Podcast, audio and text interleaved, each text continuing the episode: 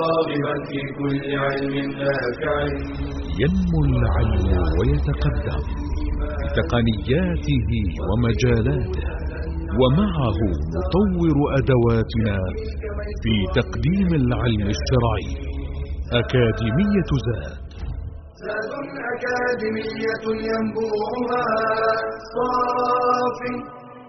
صاف ليروي غلة الظمآن وتعلم اللغة الفصيحة ورعاها بطريف أسلوب وحسن بيان.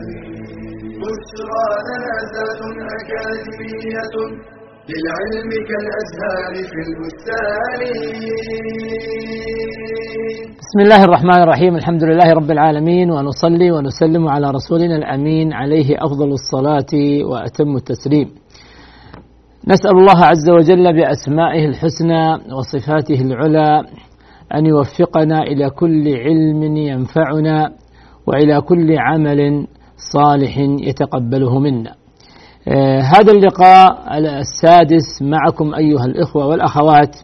آه ولا زال الحديث آه موصولا عن مباحث الاسم. فوقفنا عند قول المذكرة. وينقسم الاسم باعتبار آخره إلى أربعة أقسام. فذكر الاسم المقصور والاسم المنقوص والاسم الممدود والاسم الصحيح. بدأ في الاسم المقصور. قال هو كل اسم معرب منته بألف لازمة. هذا هو تعريف الاسم المقصور. كل اسم آخره ألف لازمة. ولا نقول هنا قبلها فتح لأنه لا يمكن أن تكون هذه الألف اللازمة إلا وقبلها فتح. بخلاف الاسم المقصور سيأتينا أننا لا بد أن نقول قبل آخره الكسر. قال مثل الفتى والمستشفى ومصطفى وهدى ورضا. كل هذه تلاحظون أيها الإخوة والأخوات أنها أسماء مقصورة. انتهت بهذه الألف. المقصورة وقبلها كما أشرنا الفتح. قالوا هذه الألف تكون منقلبة عن واو أصلية أو ياء أصلية. هذه الألف المقصورة إما أن تكون منقلبة عن واو أو عن ياء. فقال ألف فتى أصلها ياء ويظهر هذا الأصل عند التثنية أو جمع التكسير إذا أردنا أن نعرف أصل الكلمة نأتي بالتثنية فتيان. مستشفيان فنعرف أن أصلها يائي أو واوي. فتقول فتيان والفتيان وألف عصا أصلها واو فتقول عصوان. إذا هذا الاسم المقصور الألف فيه قد تكون أصلها ياء أو يكون أصلها واوا. عن تثنية اسم المقصور نحن سنعرف التثنية والجمع والإعراب كيف يثنى الاسم المقصور؟ وكيف يجمع الاسم المقصور؟ وكيف يعرب الاسم المقصور؟ قال التثنية إذا كان الاسم ثلاثيا من ثلاثة أحرف مثل فتى وعصا ترد الألف إلى أصلها وتضاف لها علامة التثنية. ففتى أصلها فتيان. وعصا أصلها واوي عصوان. إذا ترد الألف إلى أصلها ثم يضاف لها علامة التثنية. أما إذا كانت الكلمة من أكثر من ثلاث أحرف مثل سلمى ومستشفى فتقلب الألف فيه ياء عند التثنية. فسلمى نقول سلميان ومستشفى مستشفيان. فتقلب الألف ياء عند التثنية. إذا كانت الكلمة من أكثر من أربعة أحرف. أما عن جمع الاسم المقصور فعند جمعه جمع مذكر سالم تحذف ألف الاسم المقصور ويفتح ما قبلها وتضاف علامة الجمع. فمصطفى نقول مصطفون. أعلى أعلون. ولا تهنوا ولا تحزنوا وأنتم الأعلون إن كنتم مؤمنين. لاحظ قال الأعلون. نضيف علامة الجمع ويفتح ما قبل هذه العلامة. فيفتح نحذف الألف ونفتح ما قبلها آه، فكانت أعلى الألف قبل حرف اللام. فإننا نحذف الألف المقصورة ثم نجعل ما قبلها آه، مفتوحا ثم نأتي بعلامة الجمع أعلون وأعلين. فكذلك حسب موقعها الإعرابي. آه، هنا قال ولا تهنوا ولا تحزنوا وأنتم الأعلون. هنا فائدة آه، عزيزة للغاية وهي أن الله عز وجل قال مخاطبا المؤمنين ولا تهنوا ولا تحزنوا. لماذا؟ قال وأنتم الأعلون وأنتم الأعلون. لا يحصل عندكم آه هذا الذل وهذه الإهانة.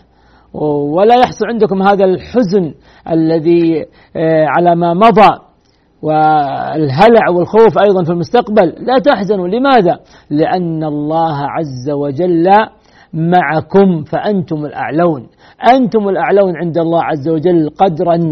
أنتم الأعلون عند الله عز وجل بما عندكم من إيمان. فلهذا الله عز قال وأنتم الأعلون. لم يقل وأنتم العالون. فالعالون هناك ما هو أعلى منهم لكن قال وأنتم الأعلون أي لا أعلى منكم. لا أعلى منكم أيها المؤمنون عند الله عز وجل. فمنزلة المؤمنين عند الله عز وجل هذه المنزلة الرفيعة العظيمة آه، لما كان عندهم من تقوى. ولهذا قال وأنتم الأعلون إن كنتم مؤمنين. هذا الإيمان هذه التقوى هي سبب هذا العلو وهذه الرفعة. فلما آه، يهين المؤمن آه، قدره ونفسه ولما يخاف ولما يحزن فالله عز وجل معه احفظ الله يحفظك. تعرف إلى الله في الرخاء يعرفك في الشدة. الله عز وجل لن يتخلى عن عباده المؤمنين. إن الله يدافع عن الذين آمنوا. كلما كان العبد آه، مع ربه حقا كلما كان آه، الله عز وجل معه أيضا حقا وصدقا. فالله عز وجل دائما مع المتقين مع المؤمنين مع الصابرين. آه، ولهذا هذه المعية هي معية التأييد والنصر والإعانة والتوفيق. تكون مع هذا الوصف وهو الإيمان. ولا تهنوا ولا تحزنوا وأنتم الأعلون إن كنتم مؤمنين. إذا أعلون هذا هو جمع آه، الاسم المقصور يكون كذلك. أما من حيث آه، الإعراب فإن الإعراب هنا يكون إعرابا مقدرا نحن نعرف أيها الإخوة وأيها الأخوات أن الإعراب يكون على آخر الكلم وأن الكلمة آه، المعربة هي التي يتغير آخرها باختلاف العوامل الداخلة عليها لفظا أو تقديرا. فقد يكون فقد يكون الإعراب لفظا مثل جاء محمد. رأيت محمدا. انظر إلى محمد. هذا الإعراب آه، في اللفظ. وقد يكون الإعراب تقديرا. جاء الفتى. رأيت الفتى. انظر إلى الفتى. جاء موسى. رأيت موسى. انظر إلى موسى. جاء موسى هنا فاعل مرفوع ويقال آه، علامة رفعه الضمة. مثل ما يقال علامة رفعه الضمة في الاسم آه، الصحيح. أيضا في الاسم الإعراب يكون فيه إعراب ظاهر. لكن هنا نقول ضمة مقدرة وهناك نقول ضمة ظاهرة. بالنسبة للفتى نقول ضمة مقدرة. جاء موسى فاعل مرفوع وعلامة رفعه الضمة المقدرة. لماذا كانت مقدرة؟ لماذا لم تظهر؟ لأن الحركة هنا يتعذر آه، ظهورها على الألف المقصورة. فلهذا الذي يمنع من ظهورها هو هذا التعذر. يتعذر أن تظهر الحركة على هذه الألف. فتقول جاء الفتى. يتعذر أن تضع ضمة هنا. فبالتالي يكون الإعراب مقدرا. عندما تعرب تقول الفتى فاعل مرفوع علامة رفع الضمة الظاهرة الضمة المقدرة على آخره منع من ظهورها التعذر. منع من ظهورها التعذر. فيتعذر أن تظهر الحركة آه، في الاسم المقصور كذلك آه، عند النصب. تقول رأيت الفتى أو رأيت عيسى أو موسى أو مصطفى كل هذه أسماء مقصورة. فعند الإعراب تقول الفتى مفعول به منصوب وعلامة نصبه الفتحة المقدرة على آخره منع من ظهورها التعذر. إذا ليست القضية صعبة وليست قضية مشكلة لأن من الناس للأسف الشديد من قد هيأ نفسه لهذه الصعوبة. أول ما يسمع ضمة مقدرة منع من ظهور التعذر يرى أن الأمر صعب وأن التقدير هذا كيف نعرف هذا الإعراب أنه مقدر؟ ثم كيف نقدر وسبب التقدير هو التعذر؟ وهي قضايا محددة. هذا الإعراب مقدر مع الألف المقصورة والمانع التعذر مع الألف المقصورة. ليس قضية يعني فيها تلك الصعوبة لكن سبحان الله سبحان الله يعني كثير من الناس كما أشرت قبل ذلك وسوف أشير باستمرار بإذن الله أن كثيرا من الناس يقعد نفسه بنفسه ويصعب الأمر عليه آه، هو بذاته وبنفسه الذي يصعب الأمر وإلا فإن الأمر سهل ادخلوا الباب فإذا دخلتموه فإنكم غالبون. فقط بس ادخل واجعل من نفسك هذه الجرأة للإقدام والإقبال في وقته في فهم هذا الأمر سوف تجد أن الأمر يسيرا سهلا للغاية. إذا عند إعراب رأيت الفتى نقول الفتى مفعول به منصوب وعلامة نصبه الفتحة المقدرة على آخره منع من ظهورها التعذر. كذلك آه، في حالة الجر تقول انظر إلى الفتى. الفتى هنا اسم مجرور. بإلى وعلامة جره الكسرة. أين الكسرة مقدرة؟ على آخره منع من ظهورها التعذر. إذا المانع هو التعذر في حالة الرفع وفي حالة النصب وفي حالة الجر. هنا قال تقدر فيه العلامات نحو آه، قتل الفتى الأفعى بالعصا. شوف أتى بجملة واحدة بأنواع الإعراب الثلاثة رفعا ونصبا وجرا. قتل الفتى الفتى فاعل. مرفوع علامة رفعه الضمة المقدرة على آخره المانع من ظهورها التعذر. الأفعى مفعول به. منصوب على نصبه الفتحة الظاهر على آخره مانع من ظهورها التعذر كذلك. بالعصا الباء حرف جر. والعصا اسم مجرور بالباء وعلام جرها الكسر المقدر على آخره المانع من ظهورها أيضا التعذر. إذا هذا ما يتعلق في بحث الاسم آه، المقصور. أما مع الاسم المنقوص أو عن الاسم المنقوص قال هو كل اسم معرب آه، آخره ياء لازمة مكسور ما قبلها. لا بد أن نذكر كلمة مكسور ما قبلها لأن بعض الكلمات قد يكون آخرها ياء لكن ليست ليست مكسورة ما قبلها. مثل كرسي فإنه ساكن ما قبل الأخير. ولهذا نجد الإعراب في ظاهر ما مقدر. وسع كرسيه السماوات والأرض. الإعراب هنا مقدر فاعل مرفوع وعلامة رفعه الضمة الإعراب ظاهر. نقول كرسيه فاعل مرفوع وعلامة رفعه الضمة الظاهر على آخره. لماذا؟ لأن الحرف في آخر كرسي مشدد والحرف مشدد من حرفين الأول ساكن والثاني متحرك. إذا ما قبل الأخير ساكن ليس ما قبل الأخير آه، مكسورا. ولهذا يشترط في اللازم أن يكون ما قبل الأخير مكسورا. القاضي المحامي الهادي الداعي النادي. هذه كلها أمثلة للاسم المنقوص آه الذي قبله آه كسر. طيب مثل ما فعلنا مع الاسم المقصور الآن نفعل أيضا مع الاسم المنقوص. تثنيته وجمعه وإعرابه. قال يثنى الاسم المنقوص بزيادة ألف ونون أو ياء ونون على حسب الموقع الإعرابي آه، إلى آخر الاسم المفرد دون تغيير يطرأ عليه. يعني مثل الكلمة قاضي نقول قاضيان. أو قاضيين على حسب الموقع الإعرابي. محامي محاميان أو محاميين على حسب الموقع الإعرابي. هذان قاضيان انظر إلى القاضيين. هذان محاميان انظر إلى المحاميين. فهنا آه، لا يتغير آخر آه، هذه الكلمة وهذا الاسم وإنما نضيف ما يخص آه، التثنية على هذه الكلمة. وقبل أن نشرع في جمع الاسم المنقوص نأخذ فاصلا ثم نعود إليكم بعد ذلك إن شاء الله.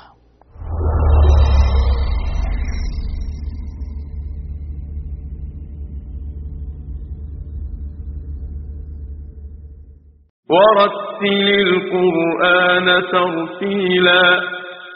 أعوذ بالله من الشيطان الرجيم. وما أرسلنا من قبلك إلا رجالا نوحي إليهم فاسألوا أهل الذكر إن كنتم لا تعلمون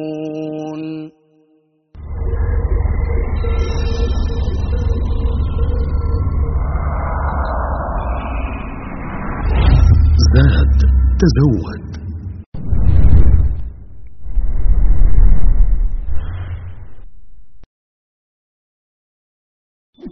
جهل وظلم فرقة وقطيعة شرك وضلال.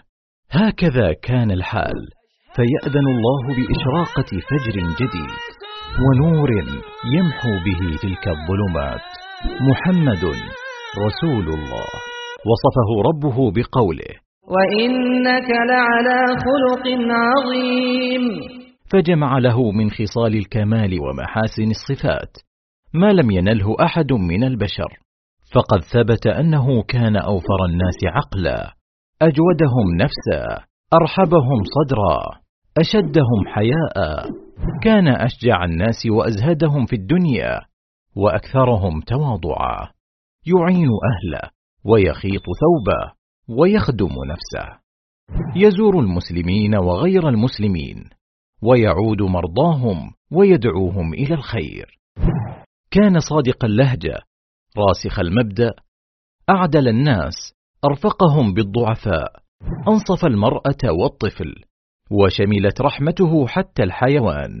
أثنى عليه حتى المنصفون من غير المسلمين. فيقول الألماني يوهان غوتا إننا أهل أوروبا بجميع مفاهيمنا. لم نصل بعد إلى ما وصل إليه محمد. ويقول الإنجليزي جورج برناتشو إن العالم أحوج ما يكون إلى رجل في تفكير محمد. بل قال تولستوي الأديب العالمي إن شريعة محمد ستسود العالم لانسجامها مع العقل والحكمة. ولنصرته لنعرف قدره ومكانته. ولننشر في الناس فضائله ومكارمه ولنقتدي به ونمتثل أمره ولندب عن شريعته وندفع عنها الشبهات. فلو لم يكن للنبي صلى الله عليه وسلم من الفضل إلا أنه الواسطة في حمل رسالة رب العباد إلى عباده وتعريفهم به لكان فضلا لا يستقل العالم بشكره ولا البشرية بمكافأته. فقد عاش حياته يبلغ الخير لأمته. ولم يكتف بهذا بل سأل ربه أن يشفعه فيهم يوم القيامة. وصدق الله. وما أرسلناك إلا رحمة للعالمين.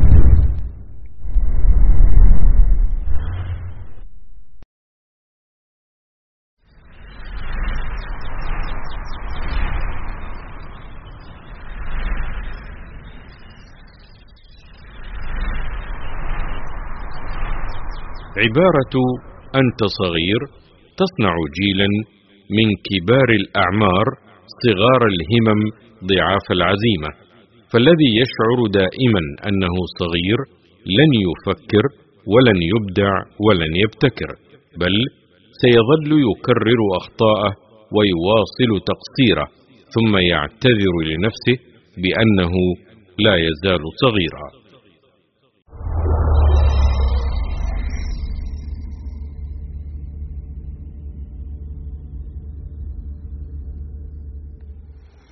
بسم الله الرحمن الرحيم. الحمد لله رب العالمين ونصلي ونسلم على رسولنا الأمين عليه أفضل الصلاة وأتم التسليم.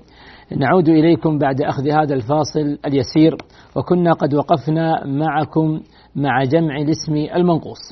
آه الاسم المنقوص عند جمعه آه جمع مذكر سالما. آه نحذف ياءه ونضيف علامة الجمع. آه، الواو والنون في حالة الرفع ويكون قبلها ضم. والياء والنون في حالة النصب والجر ويكون قبلها كسر.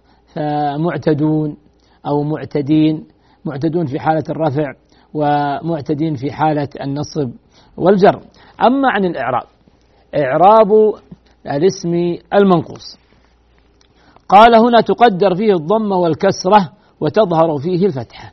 الاسم المنقوص آه، يختلف عن الاسم المقصور من وجهين هو يجتمع معه في أن الإعراب آه، في كليهما مقدر.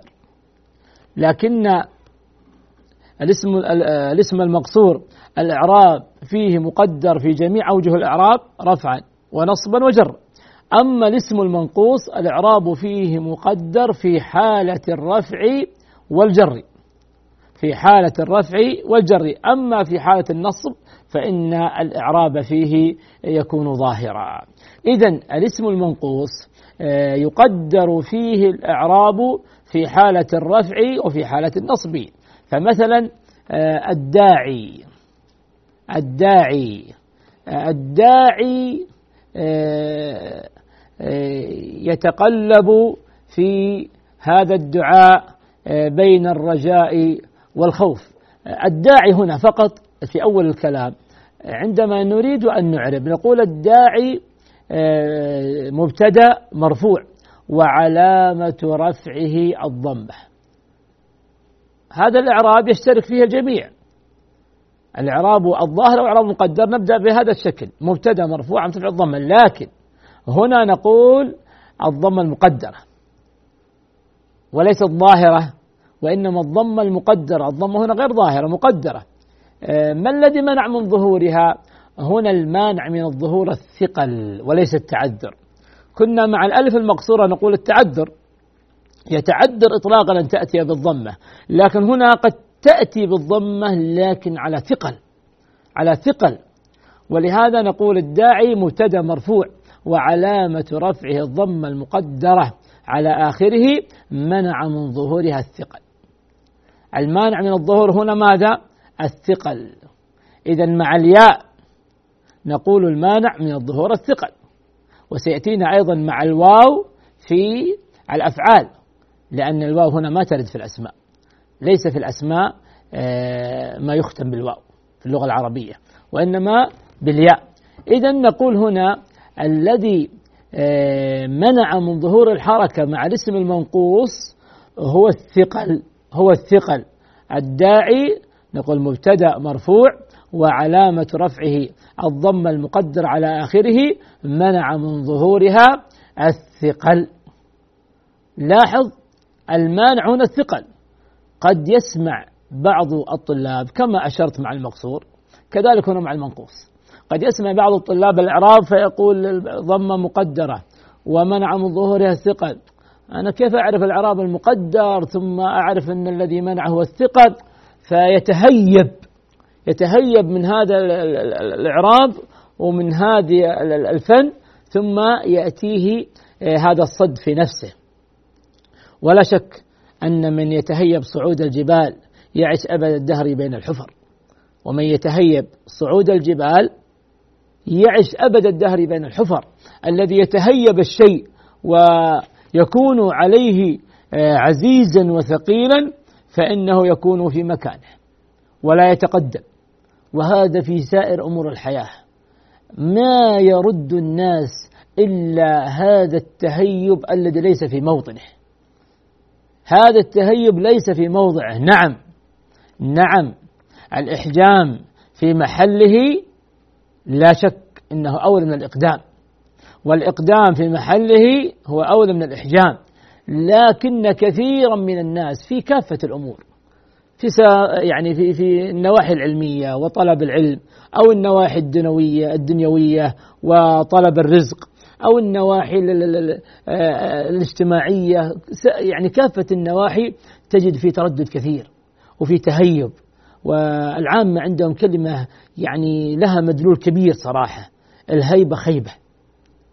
ولهذا الإنسان يكون فطنا وينتبه إذا كنت ذا رأي فكن ذا عزيمة فإن فساد الرأي أن تتردد. التردد هذا هو نوع من الهيبة نوع من الشعور بأنك غير قادر. وهذا والله من أشد ما يصد الإنسان عن النجاح وعن التقدم. ولهذا النبي صلى الله عليه وسلم أوصانا بتلك الوصية الكبيرة العظيمة التي لا أزال دائما أوصي نفسي بها وإخواني. النبي صلى الله عليه وسلم قال احرص على ما ينفعك احرص على ما ينفعك واستعن بالله ولا تعجز. ولا تعجز. هذه هي الهيبة. الهيبة أنك تقعد نفسك بنفسك أنك تشعر أنك عاجز أنك غير قادر على هذا الفن على هذا العلم على هذا الأمر على هذا التقدم على هذا الإقبال. ولهذا ما عليك إلا أن تستعين بالله عز وجل. أولا ثم تفعل الأسباب ثانيا ثم تكون عندك الجرأة وأن تكون جسورا. وما فاز إلا الجسور الذي في موطنه وفي موضعه يكون هذا التقدم. إذا الاسم المنقوص الإعراب فيه مقدر والمانع من ظهور الحركة هو الثقل. هو الثقل سواء كان في حالة الرفع أو حالة الجر. نقول انظر إلى القاضي.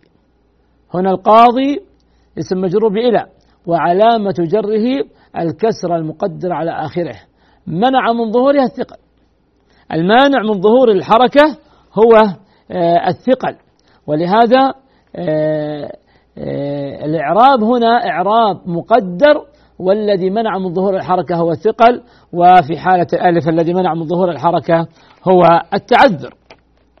قال هنا مثال القاضي سأل القاضي المحامي عن الجاني. عندما نريد أن نعرب هذه الجملة نقول القاضي فاعل مرفوع وعلامة رفعه الضمة المقدرة على آخره منع من ظهورها الثقل المحامية. هنا الاسم منصوب. وفي حالة النصب فإننا نظهر الحركة فيه. نقول المحامية. مفعول به منصوب وعلى نصب فتح الظاهر على آخره. الاسم المنقوص في حالة النصب تظهر الحركة عليه. ليس كحالة الرفع وحالة الجر. الاسم المنقوص في حالة النصب فإن الحركة تظهر عليه. فيعرب إعرابا ظاهرا بالحركات. منصوب على تصبه الفتح الظاهر على تقول سألت القاضي عن المسألة. القاضية هنا مفعول به. منصوب. وعلامة نصبه الفتح الظاهر على آخره منع من ظهورها. هنا عفوا. منصوب على نصبه الفتح الظاهر على آخره. ظاهرة ما يحتاج طبعا أن نذكر السبب لأن السبب يكون مع التقدير. أما مع الاسم الظاهر فإن الإعراب يكون ظاهرا. إذا الاسم المنقوص الإعراب فيه مقدر في حالة الرفع وفي حالة الجر. وأما في حالة النصب فإن الإعراب يكون فيه ظاهرا تظهر الحركة عليه. قال هنا تقول في إعراب هذه الكلمات أعربناها وتحذف الياء من المنقوص إذا كان مرفوعا أو مجرورا وغير محلى بأل وتعوض بتنوين. آه هذه فائدة تتعلق بالمنقوص. الاسم المنقوص إذا كان مرفوعا أو مجرورا ولم يحل بأل يعني لم تدخل عليه الألف واللام آه نحذف الياء ونعوض عنها آه بالتنوين. فيكون الإعراب كالتالي. عندما أقول هذا داع أو هذا قاض نقول آه، هذا مبتدأ. طبعا الهاء للتنبيه وذا آه، اسم إشارة مبني على السكون في محل رفع مبتدأ. قاض خبر المبتدأ. مرفوع. وعلامة رفعه الضم المقدرة على الياء المحذوفة تخفيفا. على الياء المحذوفة آه، تخفيفا. آه، وهكذا في حالة الجر. نقول انظر إلى قاض. آه، قاض هنا اسم مجرور بإلى وعلامة جره الكسر المقدر على الياء المحذوفة تخفيفا. وعوض عنها بالتنوين. إذا في حالة الرفع والجر في الاسم المنقوص فإننا نحذف الياء تخفيفا ونعوض عنها بالتنوين في آخرها. لكن كما أشرت آه، بشرط عدم دخول الألف واللام. إذا دخلت الألف واللام آه، فإنه لا بد من ذكر الياء. تقول هذا القاضي هذا الداعي. هنا لا بد من ذكر الألف واللام. لا يمكن يكون فيه آه، ألف ولام وفيه تنوين. فالتنوين ما يجتمع مع الألف واللام. وهذا ما سنشير إليه بإذن الله بعد أخذنا فاصل يسير جزاكم الله خيرا.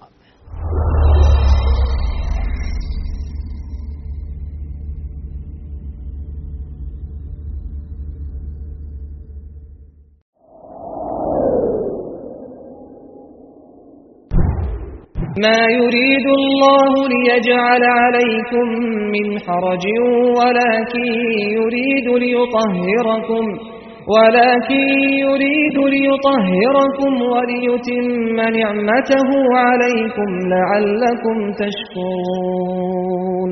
من رحمة الله تعالى بعباده الرخص لهم في المسح على الخفين والجوارب في الوضوء بدلا من غسل الرجلين. وذلك بالمسح مرة واحدة أعلى الخف الأيمن باليد اليمنى وأعلى الخف الأيسر باليسرى. مفرجا أصابعه مبتدئا من أصابع رجليه إلى بداية ساقيه. يمسح على الخفين معا أو يبتدئ بالخف الأيمن ثم الأيسر. فالأمر في ذلك واسع بشرط أن يكون الخف طاهرا من النجاسة وأن يكون ساترا للقدم مع الكعبين. وأن يلبسهما على وضوء كامل. ومدته يوم وليلة للمقيم. وثلاثة أيام بلياليها للمسافر. يبدأ احتسابها من أول مسح بعد انتقاض الوضوء. فلو توضأ لصلاة الفجر مثلا ولبس الخفين. ثم انتقض وضوءه الساعة التاسعة صباحا. وتوضأ في الساعة الثانية عشرة ومسح على الخفين. فيبدأ احتساب المدة من الساعة الثانية عشرة لا من الساعة التاسعة ويكون المسح في الحدث الأصغر وأما الحدث الأكبر فيجب فيه الاغتسال الكامل ومن خلع خفيه أو انتهت مدة المسح فوضوءه صحيح ما لم ينتقض بناقض آخر. فإن أراد المسح مرة أخرى وجب عليه أن يتوضأ أولا وضوءا كاملا يغسل فيه قدميه ثم يلبس الخف ويراعي الشروط السابقة.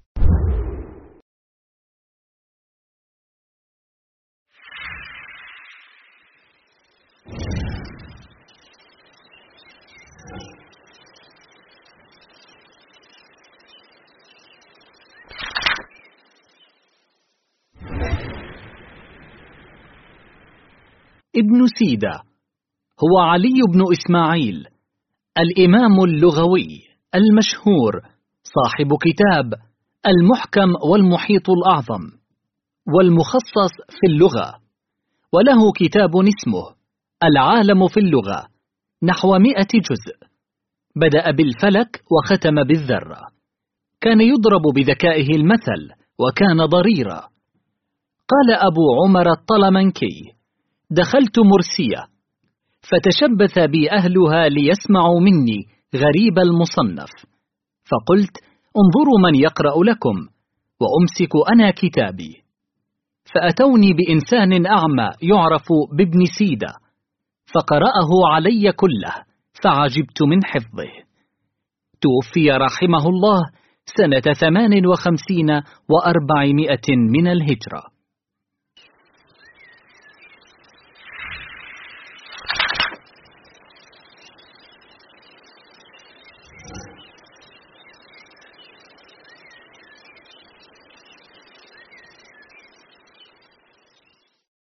أول قناة تعليمية شرعية في مجال التعليم الشرعي عن بعد تبث على القمر الأوروبي هوت بيرد بطريقة مؤصلة ميسرة تفاعلية.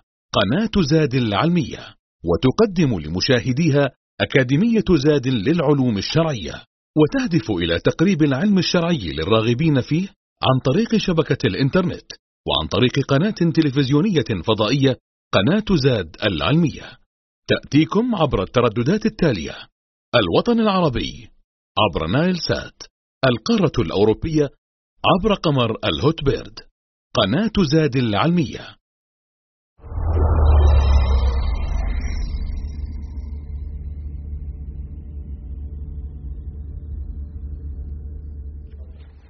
بسم الله الرحمن الرحيم. عدنا إليكم أيها الإخوة والأخوات. آه، وكنا قد أشرنا إلى مسألة تخص الاسم المقصورة وهي إذا كان الاسم المقصور مرفوعا أو مجرورا فإن الياء تحدث ويعوض عنها بالتنوين بشرط أن لا تدخل الألف واللام. وقد ذكرنا أمثلة إلى ذلك فإذا دخلت الألف واللام على الكلمة فإنه لا بد من ذكر الياء. فإن التنوين لا يجتمع مع الألف واللام. مثل الإضافة. فإن الإضافة لا تجتمع مع التنوين. فالتنوين لا يمكن يجتمع مع الألف واللام ولا يمكن يجتمع مع الإضافة. كأني تنوين وأنت إضافة فأين تراني لا تحل مكانية فالمقصود أن التنوين إذا وجدت الألف واللام في أول الكلمة المقصورة المنقوصة في أول الكلمة أو أول الاسم المنقوص فإنه آه، لا بد من ذكر الياء. تقول هذا الداعي هذا الساعي هذا القاضي. لماذا؟ لأن الألف واللام آه، موجودة. إذا يتلخص عندنا أيها الإخوة والأخوات أن الاسم المقصور ما كان مختوما بألف لازمة في آخره وقبلها الفتح. والاسم المنقوص ما كان مختوما بياء لازم على آخره وقبلها كسر. آه، الاسم المقصور الإعراب فيه مقدر في جميع أنواع الإعراب رفعا ونصبا وجرا. تقول آه، جاء المصطفى آه، هاديا ومعلما. فعندما تقول المصطفى هنا فاعل مرفوع وعلامة رفعه الضمة المقدرة على آخره. منع من ظهورها التعذر. وفي حالة الرفع أو في حالة الجر كذلك آه، انظر إلى آه، المصطفى تقول اسم مجرور بإلى وعلامة جره الكسرة المقدر على آخره منع من ظهورها التعذر. وفي حالة النصب كذلك رأيت المصطفى آه، صلى الله عليه وسلم نقصد به إن كنت تقصد به النبي صلى الله عليه وسلم فمفعول به منصوب وعلامة نصبه الفتحة المقدرة على آخره منع من ظهورها. التعذر. إذا تلاحظ أن الإعراب في الاسم المنقوص يكون مقدرا في جميع الأحوال. في حالة الرفع وفي حالة النصب وفي حالة آه، الجر. هذا من حيث آه، الإعراب. أما من حيث التثنية والجمع فعرفنا أن التثنية في الاسم المقصور فإننا نرد الألف إلى أصلها إن كانت يائية أو واوية ثم نضيف علامة التثنية فتيان وعصوان. وفي حالة أن يكون الاسم أكثر من ثلاثة آه، فإننا نضيف علامة التثنية فنقول سلميان وكذلك آه، مستشفيان. وفي حالة الجمع آه، فإننا نضيف علامة الجمع ونفتح ما قبل الآخر بالفعل آه، مصطفون أعلون وهكذا. أما بالنسبة للاسم المنقوص فإعرابه كذلك يكون مقدرا لكن ليس في جميع أحوال الإعراب وإنما في حالة الرفع وفي حالة الجر. الإعراب يكون فيه مقدرا والمانع من ظهور الحركة الثقل أما المانع من ظهور الحركة هناك التعذر.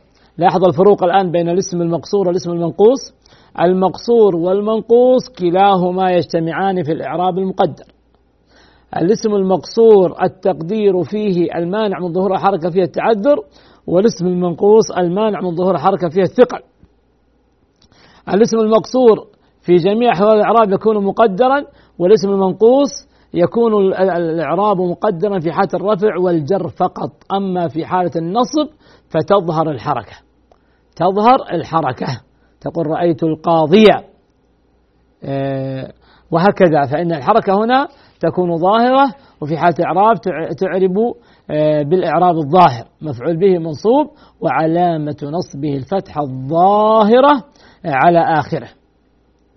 لكن هنا اشترطنا أن يكون قبل الياء آه، علامة الكسر. يعني أن تسبق آه، هذه الياء آه، الكسرة.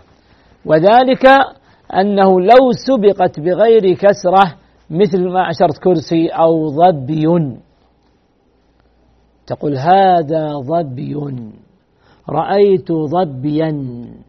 انظر إلى ظبي. لاحظ لو جاءنا شخص قال ظبي هذا اسم آه، منقوص. الإعراب فيه مقدر. نقول هذا الاسم ليس منقوصا لأن الياء قبلها سكون. ويشترط في الاسم المنقوص أن تكون الياء آه، قبلها ماذا؟ آه، علامة كسر. علامة كسر. لكن إذا سبقت بسكون فإنها تخرج عن ذلك وتصبح اسما صحيحا. إي نعم. ولهذا تعرف بالإعراب الظاهر. هذا ظبي نقول الهاء للتنبيه وذا اسم إشارة مبني على السكون في محل رفع مبتدأ. عندما نأتي ونعرب الأسماء الإشارة وإن شاء الله أنها تأتينا يعني من خلال المنهج آه، فإننا نعرب هذه الأسماء الإشارة والضمائر. هذه الأسماء المبنية والأسماء الموصولة. هذه تمر علينا كثيرا في الإعراب أسماء الإشارة والأسماء الموصولة والضمائر. كيفية الإعراب؟ طبعا هي كلها مبنية. هذه كلها تكون دائما مبنية. إذا أول شيء أنا أحدد الاسم. أقول اسم إشارة اسم موصول ضمير.